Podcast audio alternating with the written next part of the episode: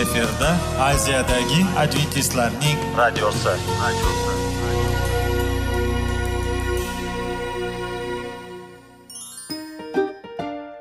assalomu alaykum radio tinglovchimiz dasturimizga xush kelibsiz va bizni tinglayotganingizga sizdan judayam minnatdormiz bugungi bizning dasturimizning nomi sog'liq daqiqasi deb ataladi va biz sizlarga bu dasturda mevalarning foydasi haqida so'zlab bermoqchimiz ya'ni uning tarkibi uning tarixini va foydali xususiyatlari haqida. Aziz do'stlar mevani iste'mol qilish kerak ekan va biz boshladik ketdik. Sog'liq daqiqasi soliqning kaliti qiziqarli ma'lumotlar faktlar. Har kuni siz uchun foydali maslahatlar. Sog'liq daqiqasi rubrikasi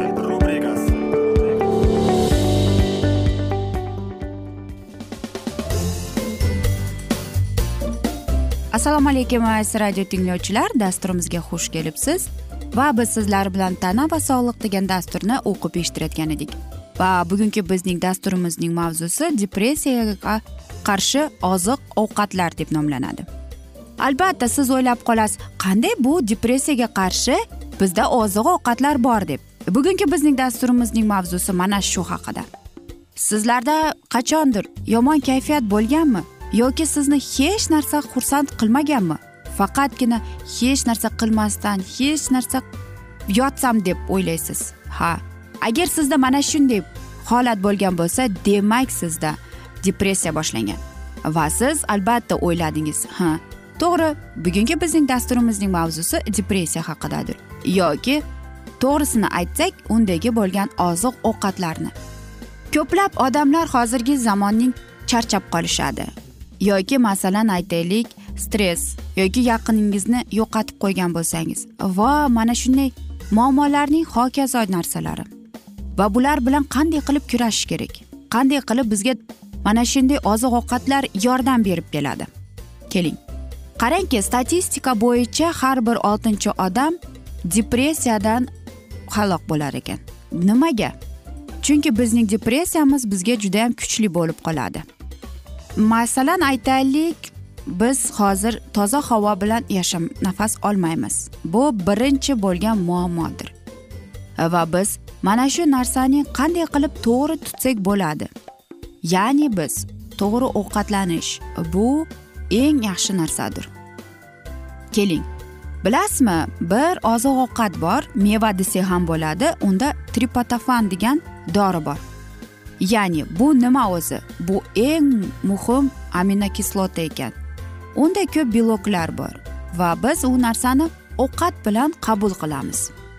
Bu esa tritopofan bizga yaxshi kayfiyat ya'ni defamin beradi. Qanday qilib uni qabul qilsak bo'ladi deymiz a? Albatta bu ko'plab ovqatlarimizda ko'plab oziq ovqatimizda mevada bor. Albatta bu tritofan ko'plab nimada bo'ladi? Aytaylik moshda bo'ladi yong'oqda bo'lar ekan. Va mana shu narsalarni biz e, aytaylik guruch bilan iste'mol qilamiz makaron bilan non bilan iste'mol qilamiz. Va tola guruch va hokazo narsalar ya'ni tolada bor narsa tritopofan bor ekan. Ya'ni mana shu narsalarni iste'mol qilsak u bizning miya ishini faol yuritishga yordam berib keladi. Biz bilan e, depressiyaga qarshi yordam beradi. Albatta u uch yoki besh soat hazm bo'ladi. Ammo lekin mana shu asnoda glyukoza bizning qonimizga doimiy kelib tushadi. Agar siz mana shunday mosh yoki aytaylik yong'oq iste'mol qilsangiz bu sizning doringiz. Glyukoza bilasiz bu eng muhim bo'lgan biz uchun yoqqiqlikdir ayniqsa neyronlar uchun. U bizniki e, bor boshimizdagi miyani aylantirishga yordam beradi. Serotin esa qarangki bu bizning yaxshi kayfiyatining eng yaxshi narsasidir. Keling. Siz o'ylaysiz bu serotinni qanday qilib iste'mol qilsam ekan deb. Albatta bu baliqning yog'ida bor ekan. Ya'ni yer yong'oqda ham bor soyada ham bor ekan. Agar kunlik siz mana shunday aytaylik omega uchni olgingiz kelsa ya'ni siz kuniga o'n gramm ya'ni bu taxminan bir osh qoshiqdir. Yog' iste'mol qilishingiz kerak ekan. Yoki o'ttiz gramm tozalangan yer yong'oq. Bu taxminan oltita yong'oq bo'lar ekan. Yoki to'rt porsiya soya. Bu degani bir stakan soya suti. Yoki oltmish gramm tofu yeyishingiz kerak ekan. Va qarangki mana shu depressiya qayerdan kelib chiqadi? Falatav qonda kam bo'lganligi uchun. Shuning uchun ham dengizni bo'yida yashovchilar depressiyaga kam duch kelishadi. Va mana shu narsa universitet olimlari bilan isbotlangan ekan. Yoki aytaylik biz e, salat yesak xom mana shunday yemishlardan. Bu eng yaxshi usul. Biz bilan ya'ni depressiya bilan kurashishga. Hammamiz bilamiz foylovoy kislota nimaligini. Bu eng katta vitaminlardir. Bizning hayotimizga muhim ayniqsa bizning asab tizimimizga kerakli. Chunki ularda b to'qqiz degan vitamin bor. Biz hammamiz bilamizki b guruhiga kirgan vitaminlar bizdagi eng katta hayotimizning muhim rolini o'ynab keladi. Va men o'ylaymanki biz hammamiz mana shu mevalarni mana shu boblarni iste'mol qilib kelamiz. Bir kunda bir milligrammdan yeb turish kerak ekan. Va qarang mana shu vitaminlar sizlardagi bo'layotgan depressiyaga kelib qolgan bo'lsangiz sizga yordam berib keladi. Chunki mana yuqorida aytib o'tilganimizdek dofamin baxt degani baxt garmoni deyiladi o'zi aslida. Mana shu baxt garmonini iste'mol qilib e, soyada yoki aytaylik yong'oqni kuniga bir marta ayniqsa ertalab nonushta qilayotganingizda oltita yong'oqni olib chaqib uni iste'mol qilsangiz kun bo'yi sizga yaxshi kayfiyat va albatta depressiyadan sizni xalos qilishga yordam berib keladi. Va men o'ylaymanki hammaning ham oilasida yong'oq bor va mana shu narsani iste'mol qiladi.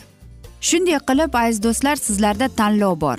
Qanday qilib siz azob chekib yig'lab o'zingizga rahmingiz kelibmi yoki o'zingizga turib darrov mana shunday ko'katlardan yer yong'oqdan iste'mol qilib va sizda baxt garmoni kelishini olish va sizda depressiya umuman bo'lib qolmaydi.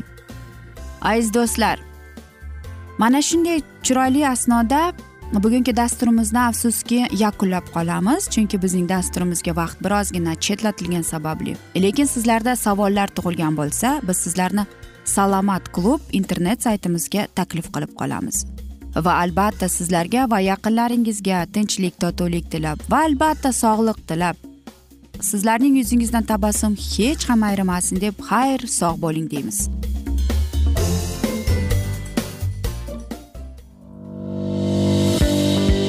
Sog'liq daqiqasi soliqning kaliti qiziqarli ma'lumotlar faktlar. Har kuni siz uchun foydali maslahatlar. Sog'liq daqiqasi rubrikasi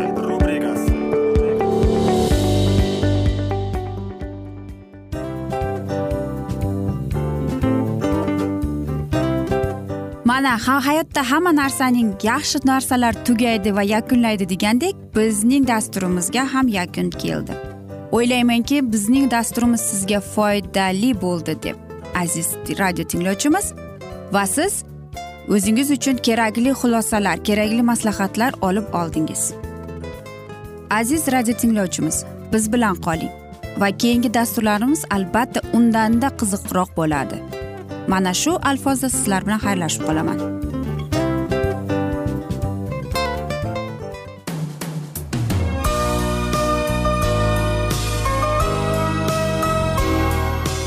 Efirda aziyadagi adventistlarning radiosi.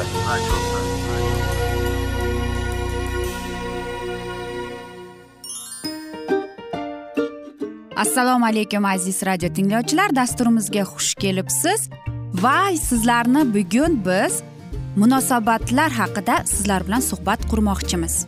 Ya'ni ikki sevishganlar to'g'risida yoki er xotinning o'rtasida bo'lgan munosabatlar haqida. Masalan yigit qizni qanday sevish kerak? Er xotinni qanday sevish kerak? Xotin erini qanday sevish kerak? Qanday munosabatda bo'lishi kerak ular bir biriga mana shunday haqida bizning mavzuyimiz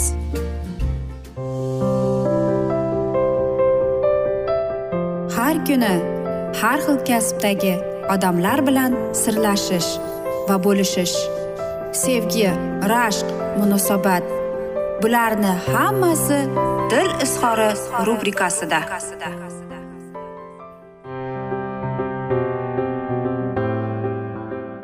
Assalomu alaykum aziz radio tinglovchilar. Dasturimizga xush kelibsiz. Va biz sizlar bilan erkaklar marsdan ayollar veneradan degan dasturni o'qib eshittirayotgan edik. Va bizning bugungi dasturimizning mavzusi o'sha muammolar o'sha janjallar deb nomlanadi. Albatta janjal hammaning ham e, oilasida bo'ladi. Muammolar ham mana shu har bir oilada bo'ladi. Ammo lekin ayol kishi o'zining qudug'idan chiqqanda u oldingiday muloyim va sevuvchan bo'lib qoladi. Ammo lekin ko'plab erkaklarimiz mana shu narsani boshqacha qilib tushunadi. Albatta erkak kishi o'ylaydiki e, bu narsa uning turmush o'rtog'ini qiynayotgan muammolar deb va ular umuman hammasi hal bo'lingan deb o'ylaydi. Yo'q unday emas. Bu faqatgina xayolan. Albatta agar sizning turmush o'rtog'ingiz e, yashnab gullab kelayotgan bo'lsa va sevgini ifodalayotgan bo'lsa erkak kishi albatta mana shu narsani xatolikka olib keladi. Ya'ni agar mana shunday uning kayfiyati bo'lsa demak uning hammasi yaxshi deb. Ammo lekin uning dengizda bo'lgan to'lqini yana bir marta pastga tushgandachi yana oxir oqibat o'sha muammolar yana kelib chiqadi. Va u albatta bora bora achchiqlanib va u axir o'ylaydiki hamma muammolar hal qilingan deb o'ylaydida. Ammo lekin mana shunday ayol kishining dengiz kabi e, xarakterlarini bor ayollik e, ichki dunyosini judayam qiyin bo'ladi tushunish. Va albatta hamma narsani siz boricha to'g'ri tushunish kerak. Albatta ba'zi mana shunday yechilmagan muammolarimizni ayollar qanday qilib aytadi? Yoki mana shunday yetish e, mana shunday muammolar paydo bo'lganda qanday qilib aytish kerak erkak kishi? Masalan qancha men bu bilan shug'ullanaveraman deb. Men mana shu haqida e, eshitganman oldin ham deb. Men o'ylardimki biz mana bu muammoni hal qilib bo'ldik deb. Sen bu aytaylik hikoyani qachon tugatasan? Men bu haqida yana gaplashishni istamayman deb. Albatta nima e uchun biz doimo har bir narsadan janjallashaveramiz? Nega senda shuncha muammoing bor degan savollar. Va albatta ayol kishi o'zining qudug'iga kirib ketganda hamma uning muammolari va qiyinchiliklari. Ammo lekin hattoki yashiringan ular o'zidan o'zi ular o'zini eslatib qoladi. Va albatta u mana shu muammolar hozirgi bo'layotgan muammo bilan albatta to'liq birgadir. Va ammo lekin eng asosan u mana shunday muammolar uning e, aytaylik yoshligidan ya'ni bolaligidan kelib chiqadi. Yoki bu muammolar yechilmagan o'tmishda yechilmagan bo'lib va ular o'zlari haqida o'ziga mana shunday signal beradi desak ham bo'ladi. Keling qanday qilib erkaklarimiz ayollarning muammosi bo'lganda va unga erkak kishining muhabbati kerakligini qanday his qilsak qanday qilib biladi erkak kishi? Keling. Agar ayol kishi judayam g'amgin bo'lsa ayol kishi shunday aytadi menda shuncha ishim bor deb. Agar u o'ziga ishonmasa menga biror narsa kerak deb aytadi. Agar u sizga aytaylik tanqid qilsa hamma narsa mening yelkamda deydi. Agar u aytaylik g'amgin desa qanday qilib ishlarimiz deb aytadi? Yoki charchasa men boshqa xohlamayman deb. Yoki aytaylik tushkunlikka tushib qolsa men bilmayman nima qilish kerak deb. Yoki aytaylik u siz bilan bir narsaga rozi bo'lmadi. Yo'q men buni xohlamayman deb. Yoki ishonmasa sen nima demoqchisan bu so'zlar bilan? Ya'ni mana shunday so'zlarni eshitganingizda bilingki sizning ayolingiz siz mana shunday o'zining qudug'iga kirib ketadi. Albatta o'zining e, turmush o'rtog'ini qo'llab quvvatlash bu judayam aytaylik kerakli narsadir. Va bu eng asosiy va ayol kishi mana shu narsani judayam yuqori qadrlaydi. Va bora bora u mana shu quduqdan chiqib ketadi. Va albatta ayol kishida ko'plab e, aytaylik e, mana shunday dengiz kabi ko'tarilib tushadi. Va amalekim u bunchalik qattiq bo'lib qolmaydi. Va erkak kishi e, tushunishi kerakki qanday qilib men tushunsam bo'ladi? Mana shunday ahvol bo'lganda deb. Ammo lekin eng yaxshisi erkak kishi o'zining turmush o'rtog'ini tinglash unga o'zining sevgisini ko'rsatish qo'llab quvvatlash ya'ni uni tushuntirib siz uni aytaylik tanqid qilmasdan og'ir so'zlarni aytmasdan bor e'tiboringizni faqatgina o'sha ayolingizga qaratsangiz. Va qarangki ko'plab erkaklar aytadiki men o'ylardimki men uni sevaman va u menga kerak deb. Biz ko'p bora mana shunday mavzuga suhbat qilgan edik deb. Qanday qilib uning aytaylik kayfiyati o'zgarib qoladi deb ko'p erkaklar aytadi. Lekin hammasi ham bunchalik qo'rqinchli emas aziz erkaklar.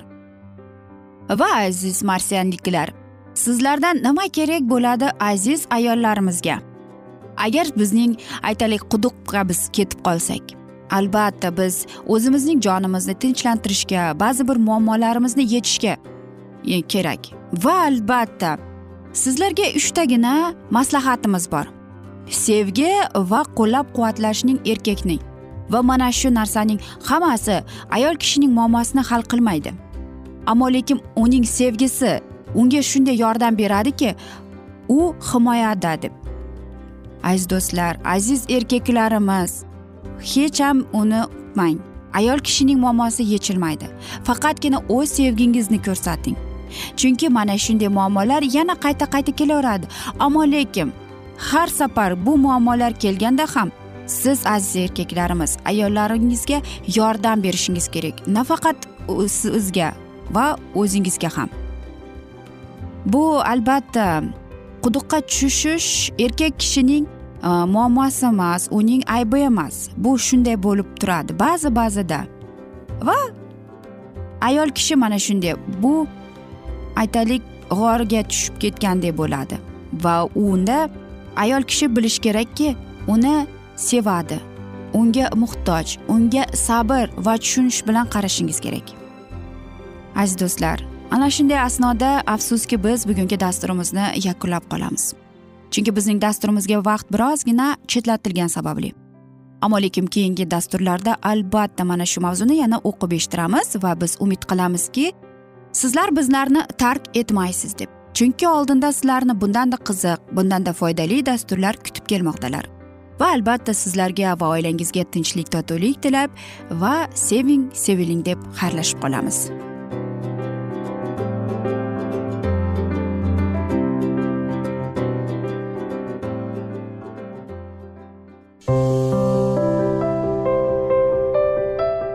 Har kuni har xil kasbdagi odamlar bilan sirlashish va bo'lishish sevgi rashq munosabat bularni hammasi dil izhori rubrikasida. Mana aziz radio tinglovchimiz bizning go'zal va foydali va chiroyli dasturimiz yakunlanib bormoqda. Sizlarga birozgina maslahat berib o'tmoqchi edik.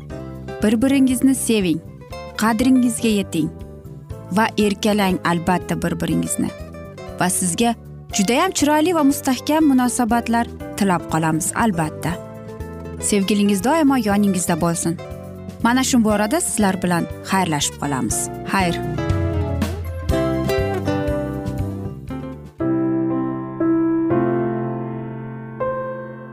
Hayotning noni. Qiziqtirgan savollar va javoblar. Buning hammasi ko'ngil uchun ozuqa rubrikasida.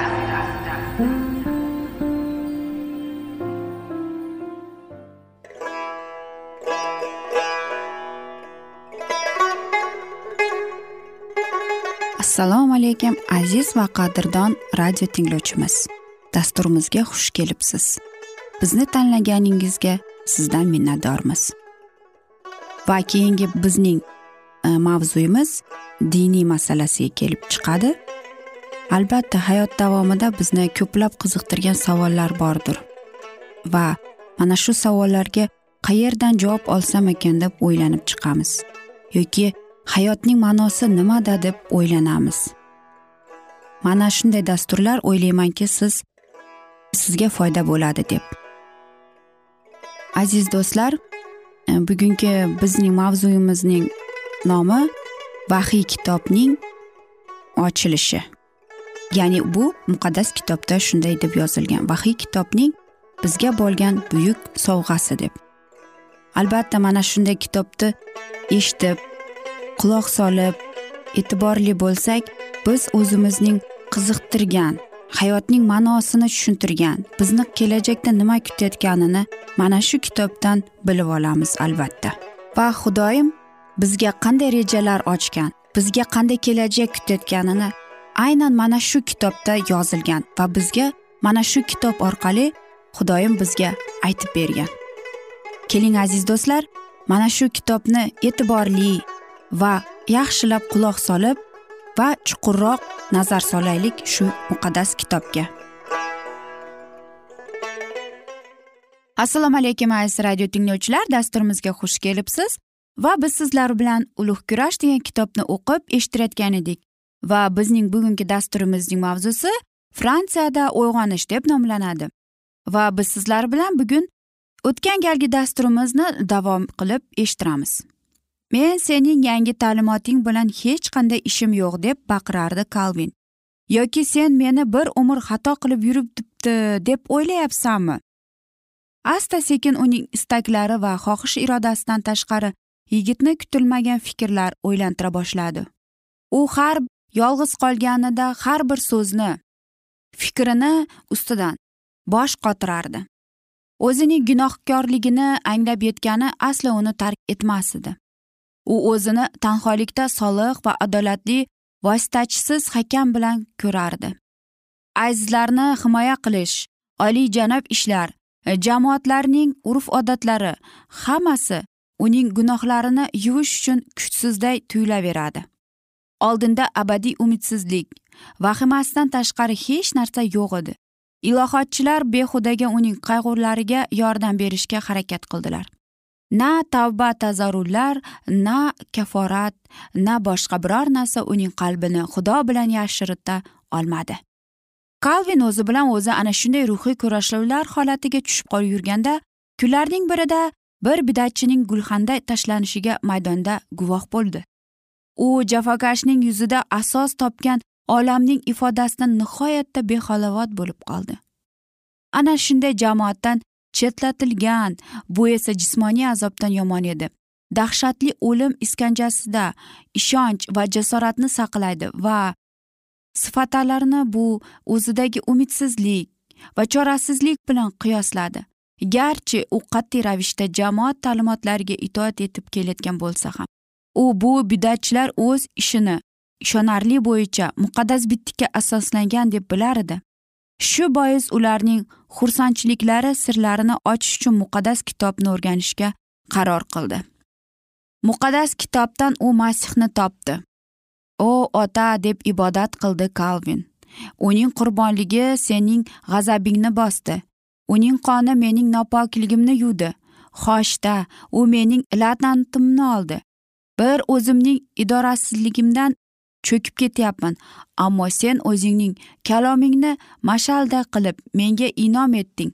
Men isoga xizmatdan boshqa hamma narsadan nafratlanishimni his qilishim uchun sen qalbimga tegding. Kalvinni diniy lavozimni qabul qilishga tayyorladilar.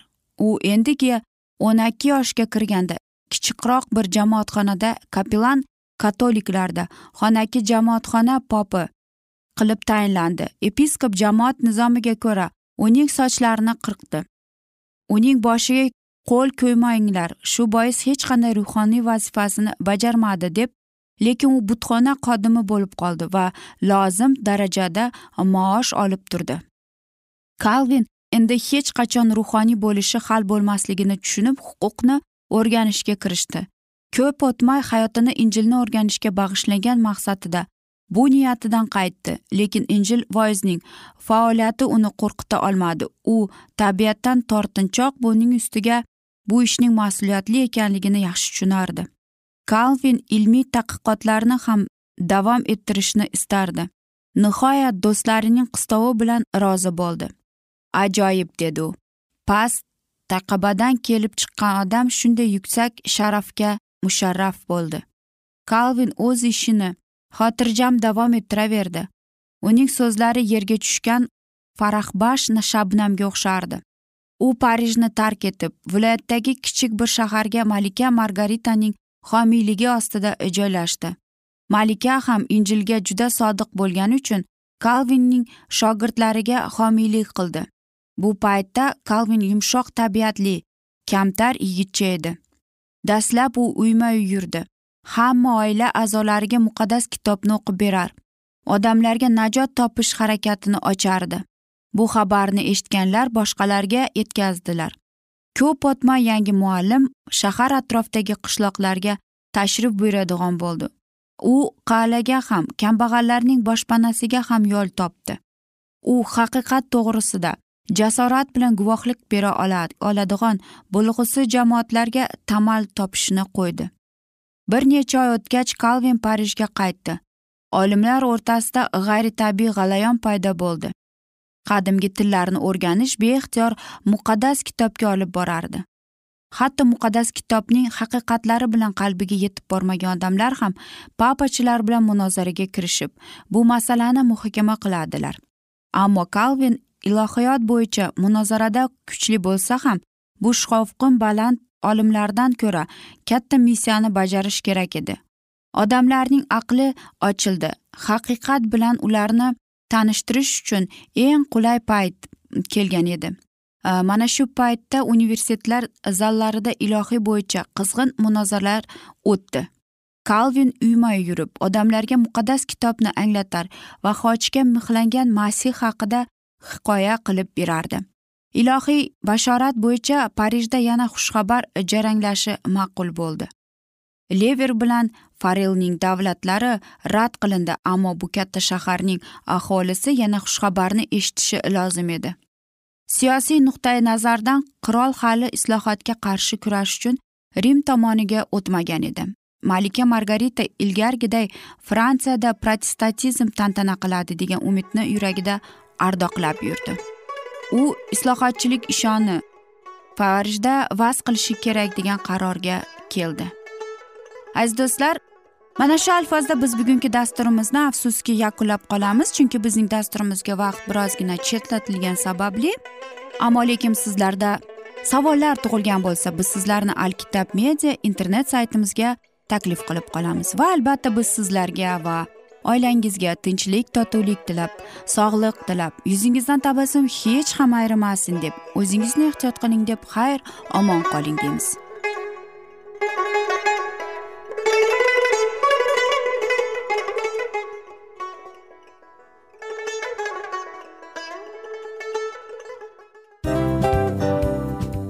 Afsus afsus. Hamma yaxshi narsaning ham yakuni bo'ladi degandek bizning foydali va qiziqarli dasturlarimiz ham yakunlanib qoldi.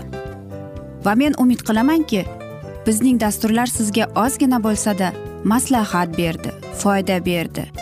Va sog'liq borasida ayniqsa sizlarga foydali bo'ldi deb. Va siz bizning maslahatlarga amal qilasiz deb. Albatta keyingi dasturlarda undanda qiziqroq undanda foydaliroq ma'lumot berishga harakat qilamiz. Undada qiziqroq ko'rsatuvlar. Sizlarga hadya etishga harakat qilamiz. Bizni tanlaganingizga albatta sizlardan minnatdormiz. Sizlarga baxt omad va sog'liq tilab qolgan holda mana shu alfozda sizlar bilan xayrlashib qolamiz. O'zingizni ehtiyot qiling sog' bo'ling omad sizga xayr.